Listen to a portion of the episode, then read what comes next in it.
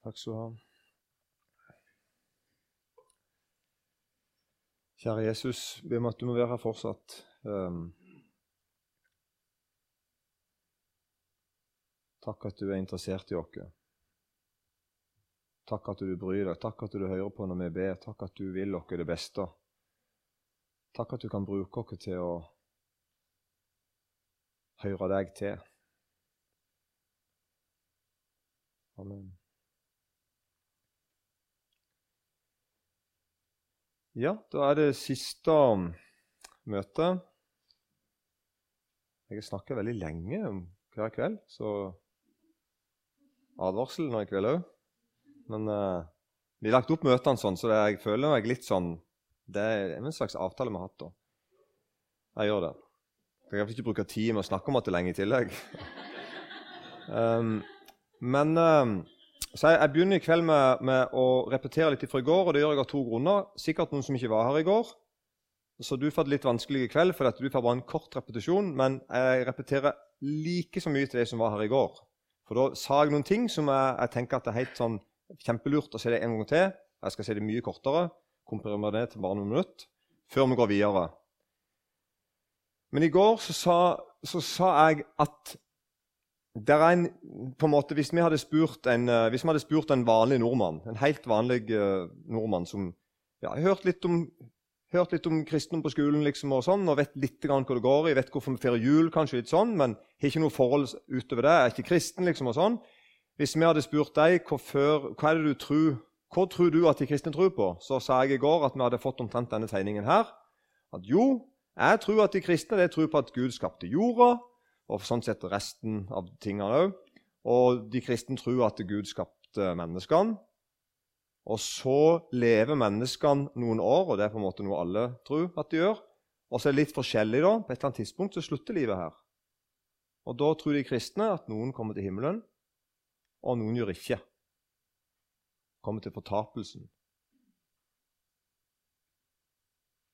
Og så sa jeg at den tegningen, alt det på den tegningen, alt på den tegningen er ting vi finner i Bibelen, og som er sant. Så det er ikke det jeg sier, at dette ikke er en sann fortelling sånn sett. Men allikevel er det noe veldig farlig med denne fortellingen. Og Vi kristne har òg begynt å tenke at det er dette som er fortellingen. Vi har på en måte kjøpt verdens tankegang om hva det vil si å høre Jesus til. Og Den beste måten å oppsummere det på i går er å si at for det er sånn jeg tror alle her har sikkert hørt mange ganger sagt. Eh, hvis ikke, så har du hørt det nå. At forskjellen på trua, altså en bibelsk tru altså Forskjellen på det det vi kaller for å være kristne, eller det å tro på Jesus Forskjellen på det og alle andre religioner Det er én forskjell på det, har jeg lært. Og det er det at alle andre religioner snakker om deres vei til Gud. Men i Bibelen så er det snakk om Guds vei til oss. Det er ikke snakk om hvordan menneskene skal på en måte komme til Gud. Nei, Bibelen er helt radikalt annerledes enn alle andre det vi kaller for religioner, og trussystem og filosofier. Nemlig at eh, det er Gud som kommer til oss. Og Derfor er den, den tegningen får ikke det fram. Den tegningen er mest opptatt av meg og mitt og deg og ditt. Så snakker vi litt om hvordan vi kan komme oss der og ikke der, og hvem som egentlig kommer hvor. og sånn, og Så, så har vi det gående. Og så ligger det plutselig det å tro på Jesus begynner plutselig å på alle andre religioner. Det handler om min vei til Gud. Min opplevelse av min vei til Gud, osv. Også For å argumentere for dette, her, for det er ikke sånn tatt ut av løse lufta, dette her, eh, da eh, henviste jeg særlig til Markusevangeliet, som begynner da i Markus 1,1. Så sier da Markus at nå skal jeg fortelle dere begynnelsen til Jesu Kristi Guds Sønns evangelium. Og Evangelium betyr godt nytt. Så nå sier altså Markus nå skal jeg fortelle dere begynnelsen til de gode nyhetene om Jesus. Og hvordan var de? Jo, sier Markus. Da sier han som det står skrevet i profetene. Og Så viser Markus til Det gamle testamentet. Han viser til gamle dager. Han viser til hvor det hele begynte. henne. Helt tilbake liksom til. Og sier at det, eh, vi må vise til Det gamle testamentet for å forstå begynnelsen til Jesus. Jesus kom ikke ut av ingenting. Jesus var ikke en, en, en revolusjonær fyr som liksom setter ting på hodet. Sånn. Nei, nei, nei. Jesus var en nøye planlagt og, og, og ville frelser som Gud hadde begynt å, å, å tenke på før han skapte jorda. skulle jeg si. Ikke bare skulle til si han, det står der. Og når han kom, så kom han akkurat i en tid som Bibelen selv kaller for i tidens fylde, eller på nynorsk da tida var fullkommen. Da ble Jesus født. Så vi, For å forstå hvem Jesus er, så må vi forstå på en måte hvor han kommer ifra. Så hvor er dette herifra? Jo, vi må begynne i begynnelsen. Og så ser vi at Når Jesus da kom, da jeg har bare kommet til vers 14 i Markus 1, så sa jeg i går at, um, at når døperen Johannes var kommet i fengsel Jesus var ca. 30 år. Så reiser Jesus til Galilea. Han kom til Galilea, og der forkynte han Guds evangelium. Og så sa jeg i går litt sånn gøy at nå hadde det vært kjekt hvis vi hadde hatt et sitat av Jesus i stedet for liksom å gjette dere fram til hva han sa. Og det har vi. Neste vers. Der er et sitat av Jesus. Det var dette Jesus forkynte. Og det Jesus da sier, er at tidens mål er fullt. Det er omtrent det samme som å si tida er fullkommen, eller tidens fylde. Altså, nå, nå, er det perfekt at jeg kommer, det Jesus sier. på en måte. Nå er det, nå, nå er det riktig at jeg kom. Og så sier Jesus da Og Guds rike er kommet nær. Det er på en måte budskapet til Jesus Kristus. Det er evangeliet om Guds rike, om du vil, når Jesus skal si det med sine egne ord. Og, og Derfor kan han si 'omvend dere og tro på evangeliet'. Og Da sa jeg altså at legg merke til at Jesus Det var ikke den på en måte fortellingen Jesus kommer med når han forkynner. Han tegner ikke opp den strekfortellingen, om du vil. Jesus snakket faktisk ikke om meg og deg i det hele tatt. på en måte. Jesus tar utgangspunkt, og Bibelen tar utgangspunkt i Gud. Og tegner opp et bilde av hvem Gud er, og hva han har tenkt å gjøre, og hva han har planlagt å gjøre, og hva han gjør. Og Derfor kan vi si sånn at Jesus forteller ikke først og fremst om at vi skal et sted, sånn som den tegningen gjør. Men Jesus forteller først og fremst om at han kom et sted. Og Det er en sånn en radikal, diametral motsetning. Så jeg håper at du ikke får tak i dette, og at ikke blir glad i strektegningen. Og særlig spesielt til deg som kjenner du ble, ble litt irritert første gang du så den og tenkte at den var du ikke helt enig i. Nå spissformulerer du sånn. Det gjør jeg ikke. Dette er helt essensen i det å tro på Jesus er. Veldig viktig. Kristendom handler om at Gud kommer til oss på eget initiativ. Veldig viktig. Vi spurer ikke etter den engang. Vi leter ikke etter den engang. Vi hadde ikke funnet han heller. Han kom. Veldig viktig. Og Det må vi på en måte holde fast på. at Jeg går ikke med på den tegningen som verden på en måte, ja, Så skal jeg liksom fortelle hvor jeg er henne på den tegningen. Tror du at Gud skapte jorda? Tror du ditt og tror du datt? Og så vi sånn, blir vi veldig bakpå hele tida på det. Nei, jeg vil fortelle fortellingen. Hør, Det er min fortelling, kan jeg da si til de som ikke tror på den. Så skal jeg fortelle hvordan jeg leser Bibelen. Eller rett og slett skal jeg fortelle hva Bibelen sier. Gud, kom til meg. Uten at jeg spurte etter ham. Han leter meg opp, sånn som en hyrde leter opp sauene sine. Og han har egeninteresse i meg. Han vil at jeg skal bli hans sin. Og Dette her sier jeg altså inn i sammenhengen når vi snakker om nådegavene. Sånn må jeg og deg forstå Guds rike. Det er ikke mitt rike, det er ikke ditt rike, det er ikke vårt rike. Det er ikke vår greie, det er ikke vår misjon eller vår oppgave eller vårt oppdrag. Nei, det er Gud sitt.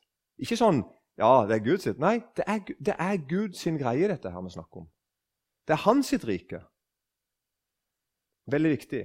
Og Derfor er det sånn at Mange tenker omtrent sånn om himmelen og jorda, og hvor Gud er, og hvor vi er. Og Så hadde jeg et par tegninger til. at Jeg tegner himmelen som en runding, og det tror jeg ikke mange tenker at det er. men det var bare for meg som avgrenser det. Himmelen er et annet sted enn der jeg er, iallfall. Ikke sant? Og så tenker vi videre at jeg er en annen plass, og jorda er ganske rund, har jeg hørt. Så vi, vi som tenker at det, det, er, det, er to forskjellige ting, og med, vi kan til med gå så langt som å si at det er et skille. Sånn opplever vi det, og sånn forklarer Bibelen det òg. Det er et skille. Jeg kan ikke komme til himmelen på, egen, på egne bein eller i egen kraft. Ikke fordi det er så sabla langt dertil, bare. For det tror jeg òg det er men fordi at eh, jeg er ikke i stand til det. Jeg kan ikke veien. Og det er til med noe galt, noe, en, et, et, fiendskap mellom meg og Gud. Og Så sa jeg i går da at når, når, altså, her er poenget mitt å si at mange tenker omtrent sånn om himmelen og jorda. Altså at himmelen er der, vi er der, og det er et skille. Og da er det fristende å tenke at nå setter vi en strek her. Sånn. Ser dere den? Hva er det liggende på? Et kors, ikke sant? Og så kan vi liksom tenke at ja, nå, med, med, korset så kan vi da på en måte gå fra jorda over til himmelen, om du vil. Men når Jesus sier at Guds rike kommer nær til oss, så er ikke det en veldig god tegning. Du er ikke enig i det? Tegningen blir sånn at det er en avstand mellom himmel og jorda. Og så kommer himmelen til oss. Guds rike har kommet nær. Nå skal jeg si dere en ting som er veldig rar å si. Det går an å møte Gud i eiken. Det er helt sant. Jeg har lov å si det. Det er på grunn av det. Ingenting annet. At, og Det går til, går til man her på Lura, rett bak Kvadrat kjøpesenter. Går det an å møte Gud? Hvorfor kan det si noe sånn? Det er jo en absurd ting å si. Jo, av det. At Gud sier 'Jeg er kommet nær til dere med mitt rike'. Jeg er her. Det er helt fantastisk. Dette er strengt tatt evangeliet, altså de gode nyhetene om Gud. Og Derfor er det sånn at Når da dette skjedde, sånn rent fysisk, at Jesus kom ned på jorda og gikk her på jorda, så leser vi i Det nye testamentet at det var akkurat sånn at himmelen var med som rett rundt ham. Sånn, i, en ganske stor sånn radius. liksom sånn, mange, mange meter rundt ham så var liksom himmelen til stede. Bare med at han bare gikk gjennom en by. Ikke sant når du leser om det? Folk ble helbreda og friske og glade og, og oppreist og trøsta. Og der skjedde en haug med sånne under og ting rundt ham. Og det var til, ja, Folk ble helbreda, døde, døde sto opp av graver, folk ble trøsta og oppreist. Altså, himmelen er borte i jorda. Men det er ikke en overlapping. Det er ikke sånn at, at det, det, er ikke blitt himmel på jord. Nei, det er det ikke. Men det er kontakt, om du vil. Det er muligheter til å høre Jesus til, høre Gud til. Og så leser vi altså at I Det gamle testamentet, før Jesus kom ned på jorda Når vi leser i Det gamle testamentet, da leser vi at da òg hadde Gud Det var ikke noe nytt Gud fant på dette her når Jesus kom. Det var ikke sånn at nå har Gud funnet på en ny ting. Nei, før Jesus kom ned på jord, da leser vi om at Gud sa at 'jeg må lage en møteplass, for jeg vil treffe folk'. Jeg vil treffe folkene. Og Det var mange møteplasser i, i Det gamle testamentet. Han møtte en gang for Moses i en brennende busk. For eksempel. Han møtte folk hvor som helst. altså Han lagde møteplasser. sånn, Men, men det var særlig én møteplass der han sa at der på en spesiell måte kan jeg møte menneskene. Og det, det, var Gud som tok hele initiativet. Det var det første han gjorde når han ga de ti bud. det var at nå skal jeg lære dere, så skal jeg gi dere en tegning av et telt, på en måte, av et område som kunne ha fått fint fått plass inn i bedehuset her. Og der skal jeg møte dere på en helt spesiell måte. Så skal vi ikke gå i detalj på det, men jeg tenker særlig på tabernakelet og etter hvert også tempelet, men særlig tabernakelet. Da Jesus instruerer, altså Gud instruerer ned i millimeter. Sånn skal du ikke lage det. Og når du da ofrer deg og de dyrene, gjør det på den og den måten, og sånn og sånn, og sånn, så vil jeg møte dere der. Så Det hadde vi litt om i går, det skal vi ikke ta i kveld. Men poenget er da, så kommer Jesus inn i historien i kjøtt og blod. Han blir født, han, han er en baby i magen til mor si. Han blir født som en baby. Han, han blir et menneske. Og så sier samtidig Bibelen at han er Guds ord. Han blir kalt for Ordet. Han er ordene til Gud. Og han er utførelsen av dem og fullførelsen av dem. Og til og med han er møtestedet mellom Gud og mennesket. Så Jesus sier på en måte Guds rike har kommet nær. Hva mener han med det? Han var der. Og så står det veldig godt i Johannes 1, 14. Og ordet, altså Jesus, ordet ble kjød. Det betyr altså Jesus ble menneske og tok bolig iblant oss. Og vi så hans herlighet, en herlighet som den en enbåren sønn har fra sin far, full av nåde og sannhet. Ser du møtestedet nå? Ordet ble kjød og tok bolig iblant oss. Så altså Guds rike har kommet nær. Jesus tar bolig hos oss. Da ser det sånn ut. Og I Det gamle testamentet så vil vi si at eh, møtestedet kan vi kalle for tempelet eller tabernakelet på en spesiell måte. Ordningene Gud satte. Sånn var det der. Og Når da Jesus kommer, så er det der Jesus går, der i Israel, der er hans rike. Han er kongen, liksom. Inviterer oss inn i sitt rike. Det var nok at han i en flik av kappa hans i. Det var nok at han sa noe. Det var nok at Han, han kunne til og med true været og til og med snakke til døden. Og så etableres der et så etablerer på en måte et Altså Guds rike som jeg skrev her, at det er en Guds redningsaksjon gjennom Jesus for hele verden. Vi leser særlig om at Jesus på en spesiell måte utfordrer det onde. Han avslører det onde, utfordrer åndelig ondskap, og han helbreder. Det er veldig viktig. og Det skal vi si litt mer om nå i kveld. Jesus helbreder. Står mange plasser i Bibelen at han gjorde det, og det står mange konkrete episoder hvordan han gjorde det, og, og hvor han gjorde det. Her står det han lærte i deres synagoger, forkynte hva da? Evangelium riket. Altså, mitt rike har kommet nær. Nå er jeg her.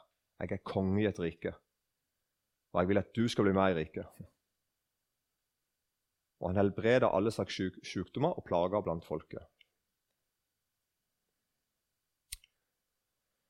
Og så sa jeg til og med at Han lærte dere å be i går. Det vil jeg ta med en gang til, for det er et utrolig godt poeng. Når Jesus skal lære sine å be, så lærer han dere å be sånn La riket ditt komme.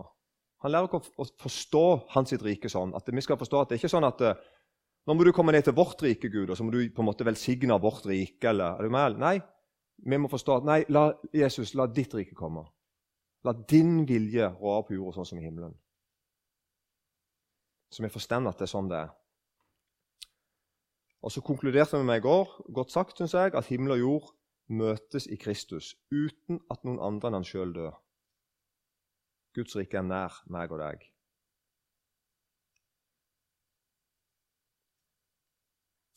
Og så vil jeg si noe på en måte om de gode nyhetene for nåtid, om du vil. Altså nå.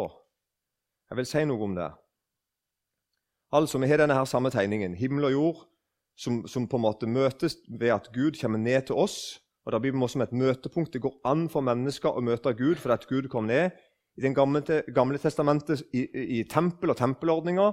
Og nå i den nye pakt med at Jesus døde for mine synder på korset. Og Der står i Bibelen at det er en evig forløsning. Det er ikke noe som må gjentages eller repeteres. Nå har Jesus gjort noe en gang for alle. Så nå lever vi i et i et konstant en konstant nådetid, er det lov å si. Altså En tid der det går an å møte Gud. Er, Gud er forlikt seg med verden i Kristus.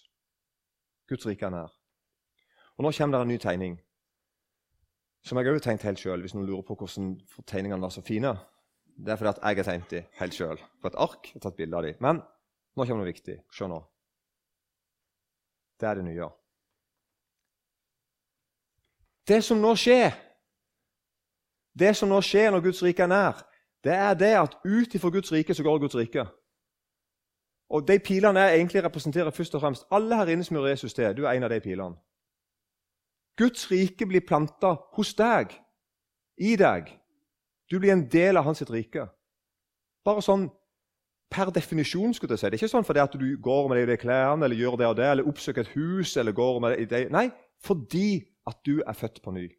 Fordi at du er blitt omvendt og tatt imot, og, og, og tatt imot Jesus som din frelser. At han er blitt kongen din, at du er blitt med i hans rike.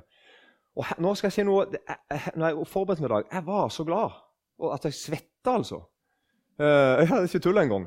Og her, her, Det er mange vers å ta dette ifra, men dette er kanskje noen av de beste versene jeg har å si nå. Derfor, sier Paulus i 2. Korinterbrev 5,17. Derfor. Om noen er i Kristus, da er, han, da er han en ny skapning, og det gamle er forbi. forbi. Se, alt er blitt nytt. Tenk på det. Ta, kan ikke du tenke på det litt for din egen del? Du som hører Jesus til.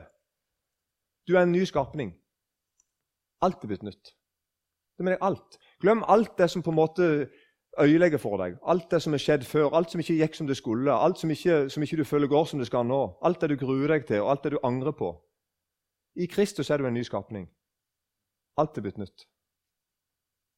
Det er ikke, det er ikke sånn poesi, liksom. Og, det er ikke sånn kjøleskapsmagnetvers uh, ifra Gud, liksom. Det er dype åndelige sannheter.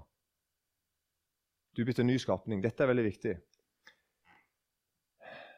Men alt dette er av Gud, Han som forlikte oss, oss med seg sjøl ved Kristus og ga oss forlikelsens tjeneste. Det var Gud som i Kristus forlikte verden med seg sjøl, så han ikke tilregner de deres overtredelser, og la ned, la ned i oss ord om forlikelsen. Her er det mange ting. Noe av det vi allerede egentlig om, snakket om. Altså, hvorfor, Hvordan har jeg blitt en ny skapning? Jo, det var Gud som forlikte oss i verden. Det var Gud som i Kristus forlikte verden med seg sjøl. Altså, sånn som jeg har sagt nå. Det var Gud som gjorde alt. Nå er jeg forlikt. Jeg og, jeg og Gud har inngått et forlik. Det er ikke lenger en tvist, en, en, en uoverensstemmelse, en krangel, en fiendskap. jeg og Gud har blitt venner. Mer enn det. Han er blitt min far. fordi at vi er forlikt i Kristus. Er du ikke med på det? Det blir altså sånn. Og så kommer det neste vers. Så er vi da sendebud i Kristi sted. Og jeg elsker det komma og den neste setningen. Det er akkurat som at han jeg føler, Nå skrev ikke Paulus norsk, så jeg vet ikke hvordan det så ut på det språket han skrev. Men i fall, hadde han skrevet norsk, så hadde han sånn tenkt, så ser jeg for meg at han hadde tenkt Nå skal jeg skrive til folk på Lura at de er sendebud i Kristi sted. Og så er det akkurat som Paulus tenker det er ikke sikkert du ikke helt tror det, så jeg skal, jeg skal se det en gang til. er du ikke med på den? Altså, Som om Gud sjøl formaner ved oss. Bare, I tilfelle du skulle være i tvil om hva Paulus mente. Det, det, det, er mest, det, er noe av de mest radikale versene jeg leser i Bibelen. Og jeg er glad for det, at det på en måte blir utdypa med en komma. Altså, Du som hører Jesus til her inne, du, du, det, du, du hører til han har bare nåde. Det var han som begynte, det var han som fortsatte, han som gjorde alt. Og Nå forteller han deg at du er forlikt med han. Og så sier han jeg har lagt ned i deg jeg, det, Til og med det har han gjort, da. At han har lagt ned i deg forlikelsens tjeneste. Du har fått en tjeneste. Han har lagt den ned i deg. Det er ikke sånn Du gikk ikke og fant den en plass eller var spesielt interessert i den. eller noe sånt. Nei, han bare la den ned i deg. Du merker det med en gang du blir født på ny. Så merker du det har skjedd med meg her inne. Har, har du ikke merka det? Sånn, det? Det er ikke sånn konstant hele tida, antageligvis, men rett som det er, så tar du deg sjøl i at du har en omsorg for andre mennesker. Du begynner å tenke på en du kjenner, eller ei du kjenner som ikke hører Jesus til. Du merker det? Det er Gud som legger det ned i dag.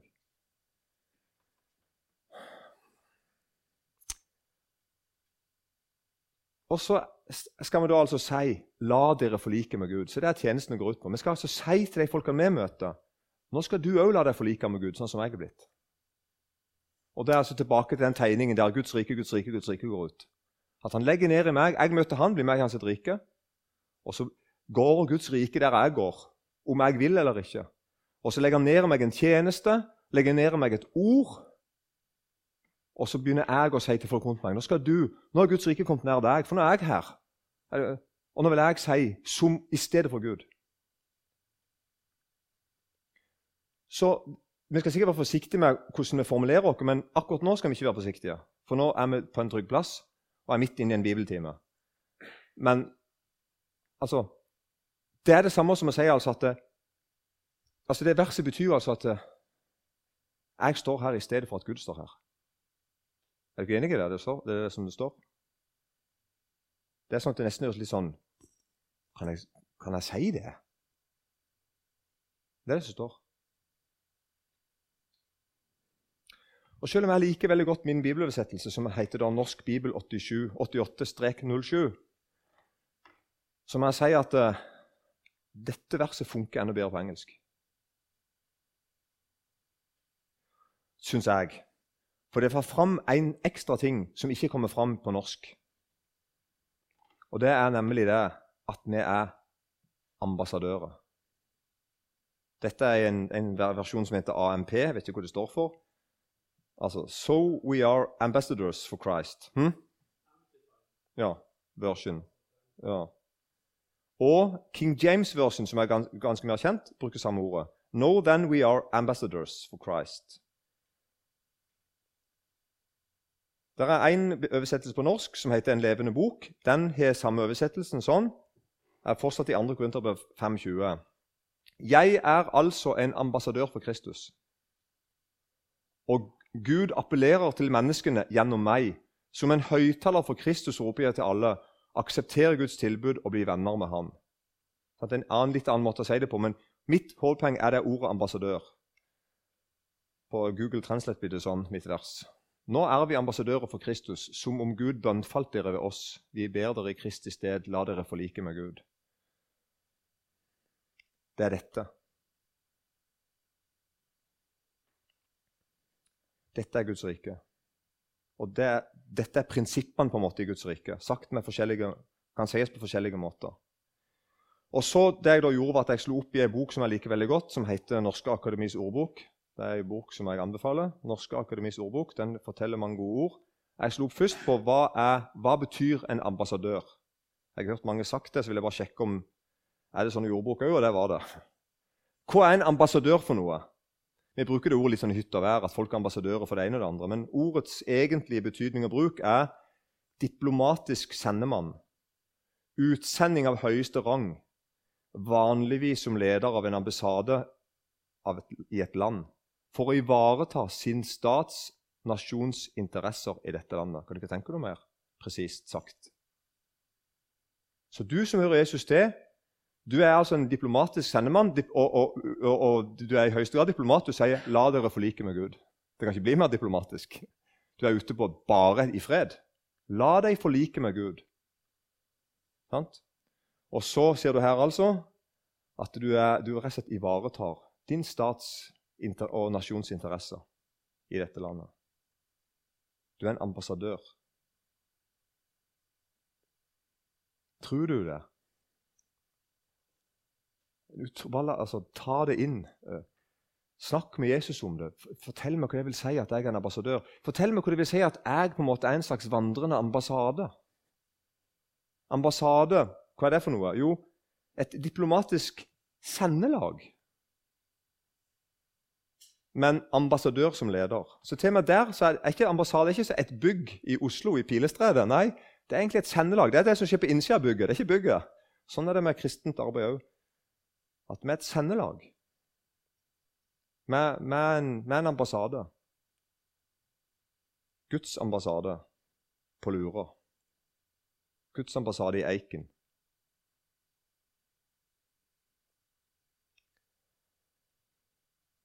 Og da er det jo sånn, og dette, nå, Her kunne vi ha tynt veldig mye ut, og det skal ikke jeg gjøre, men du kan gjøre det sjøl når du kommer hjem. Kan, dette bildet kan en dra ganske langt, og det gir, fortsatt gir det mening. Men det er jo sånn at hvis du er på ferie i et eller annet utland, og så mister du alt du eier, du mister ID-en din, du mister alt, liksom, hva gjør du da? Jo, du kommer deg til den norske ambassaden. Og det du da egentlig gjør, at du kommer til en bitte, bitte liten del av ditt eget land. Der inne kan du forvente at de snakker ditt språk og forstår ditt språk. Og de er kontakta med hele det landet du kommer ifra. Det er kanskje bare en liten bygning, en liten gul bygning bak en annen brun bygning. og sånt. Det er ikke sikkert det ser så prangende ut, men det er en bitte liten del av Norge. Og de som sitter der, er ambassadører. De sitter der på vegne av Norge og er på en måte Norge i møte med deg. Og De kan gi deg det du trenger som norsk statsborger. En fantastisk bilde, om du vil. Sånn er du som hører Jesus til. Du er det alene til en viss grad, og så er du enda mer i lag med med vennene dine, skal til si, når du ikke er flere. Men du er det òg alene. Der alene i bussesetet. Og Det jeg bare vil minne dere om i kveld Jeg håper ikke at dere tar dette ille opp, men jeg håper dere tar det til dere. At nå, når vi nå er her, at vi tenker sånn at jeg er en ambassadør, jeg er en utsending ifra Gud, ifra Hans rike, og jeg representerer kong Jesus. Han er min konge. Det var han som inviterte meg inn i sitt rike. Jeg er forlikt med ham. Og han har sagt til meg at nå legger jeg ned deg en tjeneste, i forlikelsens tjeneste. Du skal gå ut og si til folk at de skal forlike seg med Gud. Når jeg nå er en ambassadør med egen ambassade, da sømmer det seg ikke å si 'Jeg er ingenting'. Er du ikke enig i det? Det sømmer seg ikke å si det at 'jeg er ingenting', når jeg er altså her. Det kan rett være en måte å gå ifra hele det kan, være en, det kan være en måte å stenge hele ambassaden på, hvis du skjønner. Jeg mener jo at Nå sømmer det seg ikke å si 'ikke se på meg'. Og det er nesten litt sånn ja, Jeg håper du ikke er med på hva jeg mener nå, for jeg, dette er jo et metafor som du ikke sikkert skjønner. Egentlig blir de to tingene å tenke litt sånn blir egentlig å snakke ned den du representerer. Det er klart, Hvis du er i et utland og kommer inn til ambassaden, og så der sitter det to folk ikke sant, og en kaffetrakter som humper og går og, og, og sånn, Det ser ikke akkurat sånn, det er ikke akkurat Slottet. Så sitter ikke de og sier det. ja, beklager det, er ikke, det, det er ikke, skjønner du, det er ikke det poenget. De representerer Norge der de sitter. Og de kan tilby deg alle de tingene som en ambassade skal tilby. Det er det det går i. Men det, det blir absurd å si ja, vi er jo ikke med akkurat Norge, da. vi er jo bare et lite gult kontor i et annet land. Det, det er ikke poenget. Vi skjønner det jo. Det er, det er en del av greia. Sånn er det her òg. Du som hører Jesus til, du skal si at du hører Jesus til. Du skal representere ham. Du skal, du skal, være en ambassadør for ham. Du skal ikke snakke på en måte ambassaden ned. hvis du skjønner. Og, det, og mener, Hvis jeg må fortelle til dere at det, det er altså ikke jeg som gir under, så har jeg jo allerede hatt litt store tanker om meg sjøl. Det, det er jo en unødvendig påstand. nesten. Det, det, nesten sier, ikke sant? det sier nesten seg sjøl. At hvis noen skulle bli frelst her i kveld, og så sier jeg ja, det var ikke, det var ikke min fortjeneste, så vil jeg tenke nei, trodde du det? Trodde du at vi trodde det? altså, ikke sant? I all verden er jo en unødvendig påstand. Selvfølgelig var det ikke pga. meg eller pga. deg. eller Selvfølgelig var det pga. Jesus, han vi er ambassadører for. En ambassadør trenger ikke å opplyse noen at han hun ikke er det, er det landet de representerer. sånn bokstavelig talt. Det vet vi jo. Vi er i utlandet. Vi visste det allerede før vi kom der. Men like fullt så er de det i kraft av embetet. Dette ligger meg veldig på hjertet. Og Hvis jeg bare skal argumentere med å, er du sikker på at dette er sant, liksom? For det, det kan godt være at alle er enige med meg, men jeg skal gi dere ett argument til. Jesus går så langt, og det, det på en måte gir mening når Jesus sier i en, uh, Dette er om uh, veldig alvorlig tale, doms, uh, avslutning i Matteus, i Matteus 25. Her er bare poenget mitt én ting. At Jesus sier at alt dere gjorde mot én av disse mine minste små, det gjorde dere mot meg. Sånn er det i en ambassade òg. Hvis vi hater et land, så kan vi nå i dag kjøre til Oslo, gå til den ambassaden, så hiver vi råtne egg på den ambassaden, og så skjønner alle hva vi mener. Vi hiver egg på det landet. Er du enig i det? Det ser vi på TV ofte. Hvis noen vil hate et land, så, går de, det, så går de bare til ambassaden til det landet. Og så står de der og hytter neve og sier stygge ting og hiver ting. Ikke sant? For det er sånn det funker. Sånn funker det òg i Guds, i Guds eh, sin ambassade. Og så sier Gud at det folk gjør med mine, det er akkurat det samme som gjør det mot meg. Hvorfor det? Fordi vi representerer Han. Han identifiserer seg fullt og helt med deg. Sånn som, med, sånn som en god konge gjør, eller en president eller statsleder gjør med sin, sine ambassader i utlandet. Jeg tror, blir, jeg tror ikke vi blir sånn hovne av dette. her, gjør Vi det? Det er ikke sånn uh, vi blir ydmyke. Vi forstender at jeg representerer ikke meg sjøl. Jeg er jo en ambassade. Det ligger meg så mye i saken. Og da skal jeg være det. Da skal jeg tilby de tingene som Guds rike har å tilby. Og det er først og fremst forlikelsens tjeneste. Vil du ha fred med Gud? Vil du ha evig liv? Da har du kommet riktig plass. Og så kan noen spørre om ja, kan du, kan du liksom gi meg det? Kan du si det? Kan jeg si ja. Jeg har fått faktisk den fullmakten, og det er, forlik, det det forlikelsens tjeneste ut på. Det var jo det vi las. At vi skal stå i stedet for Gud og si det. Som om Gud sjøl formaner. Så vi gjør det med fullstendig autoritet. Ikke sant? Dette er så svært.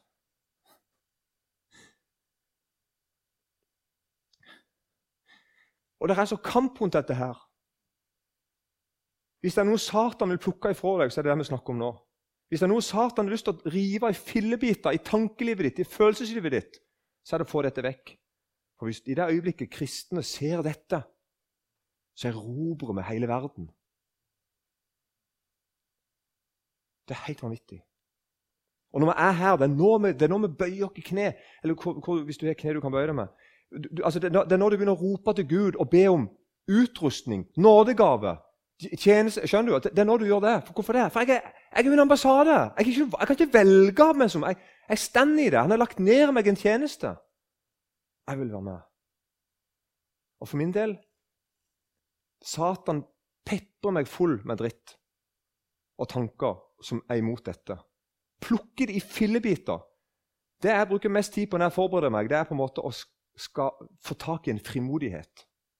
At jeg forstår at dette hvorfor, hvorfor, kan jeg stå her og si noen ting? Jo, Jesus sagt at jeg, ikke bare at jeg kan det, men at jeg skal det. Og da skal jeg gjøre det. Er du ikke med? Så hold jeg fast på det. Her er utrolig viktig.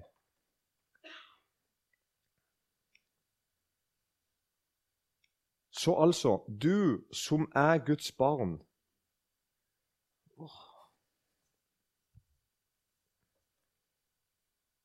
Du representerer Gud der du bor. Du er møtestedet. Kontaktpunktet for verden rundt. Dette er så svært at du tenker på hva er det sant det du sier nå. Så er vi da sendebud i Kristi sted. Som om Gud selv formaner ved oss. Vi ber i Kristi sted. La dere forlike med Gud. Og Så skriver jeg her at vi har sprunget Jeg vet ikke om det er godt norsk. Vi har sprunget, løpt, stukket. Vi har sprunget ut ifra, vi har sprunget ifra dette her, det jeg sier. Helt klart så mener jeg å se at uh, vi er et kristenfolk på feil vei på mange måter. Som, da mener jeg alt, alt som kalles kristenliv i Norge. Mange har sprunget fra dette ved å fornekte ordene hans. Det sier at jeg vil ikke bøye meg for ordene hans. Det er ting her jeg ikke liker, det er ting her jeg ikke gidder å tro på, det er ting her jeg er imot osv. Og, så og så fornekter de Kristi kraft. De meldte seg sjøl ut av hele opplegget. skulle jeg si. Sprunget ifra det. De er ikke ambassade lenger, for de, de skjems over han de skal være ambassadør for. Mange har sprunget ifra dette med å forlate ordet og gi seg hen til verden. Ikke plent at de har tatt et veldig oppgjør teologisk med noen ting her, men de er mest bare, rett og slett bare blitt glad i verden. Og opplever at det er viktigere for meg å oppnå en del ting og lykkes en del ting her nede. Og så det som er her oppe, det får bare være. Og så er det noen, da, det tror jeg er færre, men det er noen som har sprunget fra dette ved å gjemme seg i sin egen skrøpelighet. Ved å holde fast på at vi som Jeg tror ikke jeg skal gjøre dette. Nei, Jeg tror vi må heller holde fast på at vi er skrøpelige og små. Jeg tror ikke vi skal tenke sånn og tenke sånn, og så er vi forsiktige og forsiktige. og forsiktige. Pass deg for å være forsiktig. Vær forsiktig med å være forsiktig, hvis du skjønner. Pass deg for det se etterpå om snakker jeg ned han jeg representerer nå, eller snakker jeg bare ned meg sjøl. Snakker jeg lite om, han, om de ordningene som Gud har? Gud har en ordning. Han tar meg, sånne som meg, og elsker meg totalt ufortjent. Frir meg ut ifra, ifra døden og ifra mørket og setter meg inn i, inn i, lyset. Setter meg inn i Guds rike, legger inn ned i meg forlikelsens tjeneste og sender meg ut. Det vil ikke jeg, det vil ikke jeg uh, mistenkeliggjøre eller, eller krangle med Gud om. Jeg tenker at da vil jeg, da vil jeg tro deg på deg, Gud. At du kan bruke sånne som meg, sånne som dere. Det, det, er sånn han har tenkt det skulle være. Derfor kan du si når, når jeg bare har noen ja, Ambassadøren har gjort ambassaden om til et sirkus eller et kulturhus eller et parodihus. Altså, Det er poenget mitt. da. Vi må passe oss for det, at ikke vi på en måte abdiserer eller, eller går, på en måte går ifra jobben vår Hva skal de besøkende tenke? Og Derfor er vi som er det bare tilbake til at det er bare Jeg må tilbake til Jeg må tilbake til Han. Jeg må tilbake til Han som sa Guds rike er nær.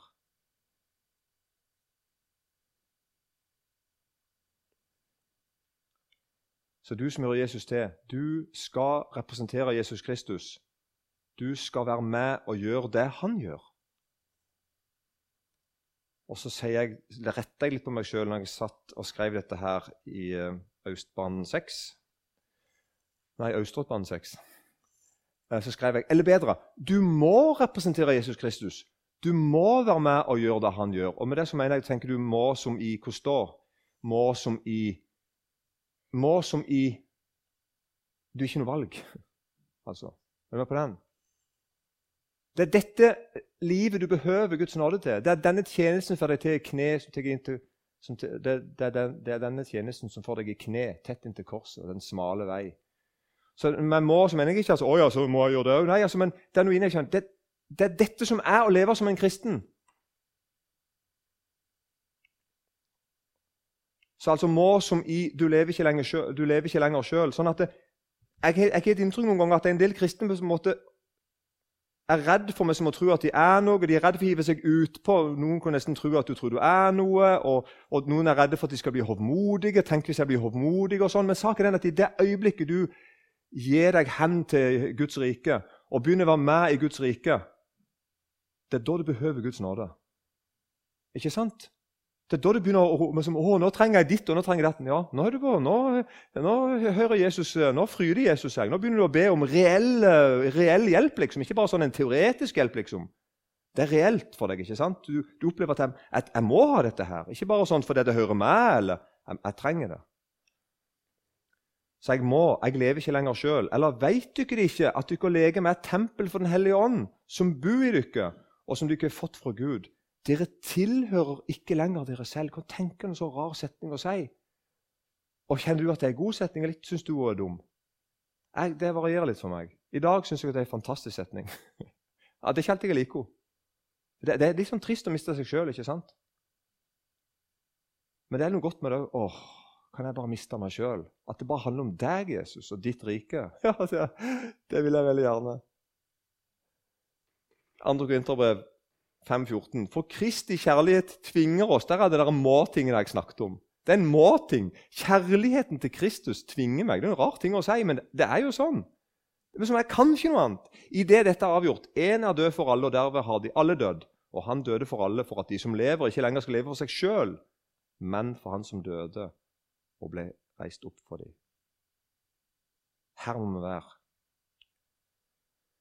Og Derfor, når vi da snakker om, vi da snakker om nådegave nå, Dette er ikke en fullstendig liste, det er bare sånn, jeg bare får sette det med inn i kontekst her.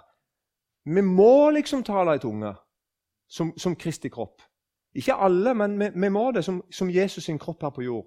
Vi må tye dem, vi må tale profetisk, vi må helbrede, vi må ha tro. Vi må drive ut under ånden. Hvorfor det? For det er jo det Jesus gjør. Side opp og side ned i Bibelen det er jo dette han holder på med. Og nå, nå, er vi, nå, er det vi som er Jesus her, bokstavelig talt. Vi er hans ambassadører, og vi lever ikke lenger sjøl. Vi, vi, lever i Han. Derfor er det sånn at vi har ikke noe valg. Dette må skje. Jesus, Du må slippe til, liksom. Det var det jeg egentlig ville si. Kan jeg si jeg, jeg, Nå er det lenge, men jeg, jeg bare sier en ting til. Jeg blir nødt. Ok? Det er litt sånn en sånn en punchline til slutt. På en måte er jeg egentlig litt ferdig nå, men jeg kjenner nei, jeg er ikke det. Jeg har skrevet noe til. jeg må ha det med. Hva er Jesus sitt budskap nå inn i, som i vår verden, 2022, akkurat nå? Da mener jeg altså inn i en verden der det onde ennå er, der ting ikke er som det skal, og der ikke vi lykkes som alt vi holder på med osv. Hva, hva, er på en måte, hva, hva, hva tenker Jesus Kristus om det nå? Sant? Da har du denne her. At Jesus, Jesus kommer, kommer til oss. Himmelen kommer til jorda. Guds rike kommer ned og blir nær. Og da skal jeg si en ting her. Jesus gjør det sjøl om han ser synd og helveteskrefter her. Her er, her er, det symbolisert med sånn et dødningehoveting, sånn der uh, giftting. Men det, det er mitt poeng. Jesus gir ikke opp planen sin fordi han ser at ting ikke er som det skal her. Jesus frelser meg mens jeg ennå er en synder. Jesus elsker meg mens jeg ennå ikke søker han, eller, eller, eller, spør etter han, eller oppfører meg som jeg skal. Er det ikke med? Sånn er Jesus, og sånn er hans rike. Han sier, 'Jeg kommer for deg.' Jeg kommer ikke fordi dere ba meg om å komme. Er det fordi dere er så veldig elskverdige? Jeg har tatt så synd på dere, eller dere spurer så fint? Jesus sier, 'Jeg kommer for dere.' Jeg kommer egentlig på tross av hvem dere er. Dette er veldig viktig. Og dette er også, sånn blir hans sine barn vi òg blir med i et rike som er klar over at vi òg går videre på tross av ting. Så altså Jesus sier, 'Jeg kommer for dere'. Jeg lar meg være tilgjengelig i en verden som til og med, til og med de skikkelig hater, iallfall Jesus. De fikk han drept til slutt, ikke sant? Han kommer likevel. Dette er veldig viktig i det vi snakker om nå med nådegaver og sånn òg. Og nå vil jeg si en bare sånn ting til slutt. da. At det Jesus gjør, er en ting til. Og det er jo veldig viktig. Han gjør sånn. Når Jesus kom ned til jord, og når Jesus nå er her til stede gjennom sine representanter i Guds rike, meg og deg, så tar Jesus og Han ignorerer ikke det onde, eller flykter fra det onde, eller viker fra det onde. Nei, han, han, si, han angriper det, og han sier jeg vil allerede nå begynne å drive det onde ut. Jeg er ikke likegyldig til det. Og Han lærer, han lærer sine disipler til å si at vi liker ikke ting som er ondt. Vi liker ikke urettferdighet, vi liker ikke løgn. Du merker det? Og vi vil gjerne utrydde det, gjerne, særlig hos ektefellene våre. ikke sant? Men, og, og, det er rundt dere, men, men også hos ikke, Det var en vits som du tok vitsen. Altså, vi, vi kjenner på at vi har lyst liksom, til å utrydde det onde rundt dere. og Noen ganger har vi kanskje dårlige motiver. Men vi, det, det, er noe, det noe gudgitt. Derfor, så, derfor, derfor så kjenner vi det åndelig talt. At vi går inn i, i farlige miljøer, i, i miljøer som hater Jesus, som ikke kjenner Jesus. Og så går vi inn der. Jeg vil inn der. Jeg vil gi deg et ord om Jesus, og jeg vil drive det onde ut. Her, allerede nå. Bibelen sier, Dette er bibler som jeg, ingen noen gang sendt det til meg. og Det kan sikkert være greit, det, men det, det, men det er et godt vers. Um, og, og, som jeg nesten ikke har sett at står der. Efeserbrevet 4,27.: Og gi ikke djevelen rom, står det der i Efeserbrevet 4,27. Med andre ord så går det an å gjøre det og gi han rom. Og med andre ord så går det an å ikke gi han rom. Og Sånn har Guds barn det. Sånn er Jesus òg. Sånn er Guds rike. Gud hater synd, men allikevel vil han møte dere, og så vil han fri dere eller frelse dere ifra det vonde. Og Derfor er det sånn at i, i Markus, Du kan huske når Markus, vi hadde litt fra Markus 1.1 og 1.14. I, I vers 22, altså bare eh, fortsatt i første kapittelet i Markus, skal vi bare lese en fortelling der til slutt. At Jesus er i Kapernaum, dette her. Og folk var slått av undring over hans lære. Markus 1,22. For han lærte dem som en som hadde myndighet, og ikke som de skriftlærde. Det var da i synagogen deres en mann med en uren ånd, og han skrek høyt og sa:" Hva har vi med deg å gjøre, Jesus fra Nasaret? Du er kommet for å ødelegge oss. Jeg vet hvem du er, du Guds hellige. Så det, altså, Dette er den onde ånden som avslører Jesus. Det er ikke mannen som sier dette, men den onde ånden i ham. Og Jesus svarer den, altså ånden, og sier, Ti stille og far ut av ham. Og den urene ånden rev og slet i ham og skrek med høy røst og for ut av ham. Hvorfor, gjør, hvorfor forteller Markus dette? Nummer én, det er jo skjedd. Så han forteller noe som er skjedd, åpenbart. Men hvorfor er det så viktig for Markus å si dette og sette det opp allerede med som i første kapittel, helt i begynnelsen? Jo, for Jesus måtte vise jeg er sterkere enn det onde. Og jeg liker ikke det onde. Jeg er i konflikt med det onde, og jeg driver det ut. Da blir alle forferdet, og de spurer hverandre. Hva er dette? En ny lære. Med myndighet befaler han til og med de onde åndene, og de adlyder ham. Og ryktet om han straks, kom straks ut overalt der omkring i Galilea. Og det ryktet fins ennå. At Gud, Jesus, er sterkere enn Satan, sterkere enn det onde. Og, alle, og han er ikke et, et uh, tilfeldig forhold til det. Og Guds folk er, er, er prega av det. At de, de, de driver det onde ut.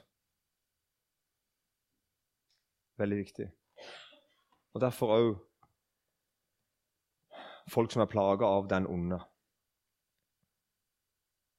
Og Derfor er det jo sånn at vi lærer å be, la riket ditt komme, og så lærer vi en ting til og frelse oss fra det onde.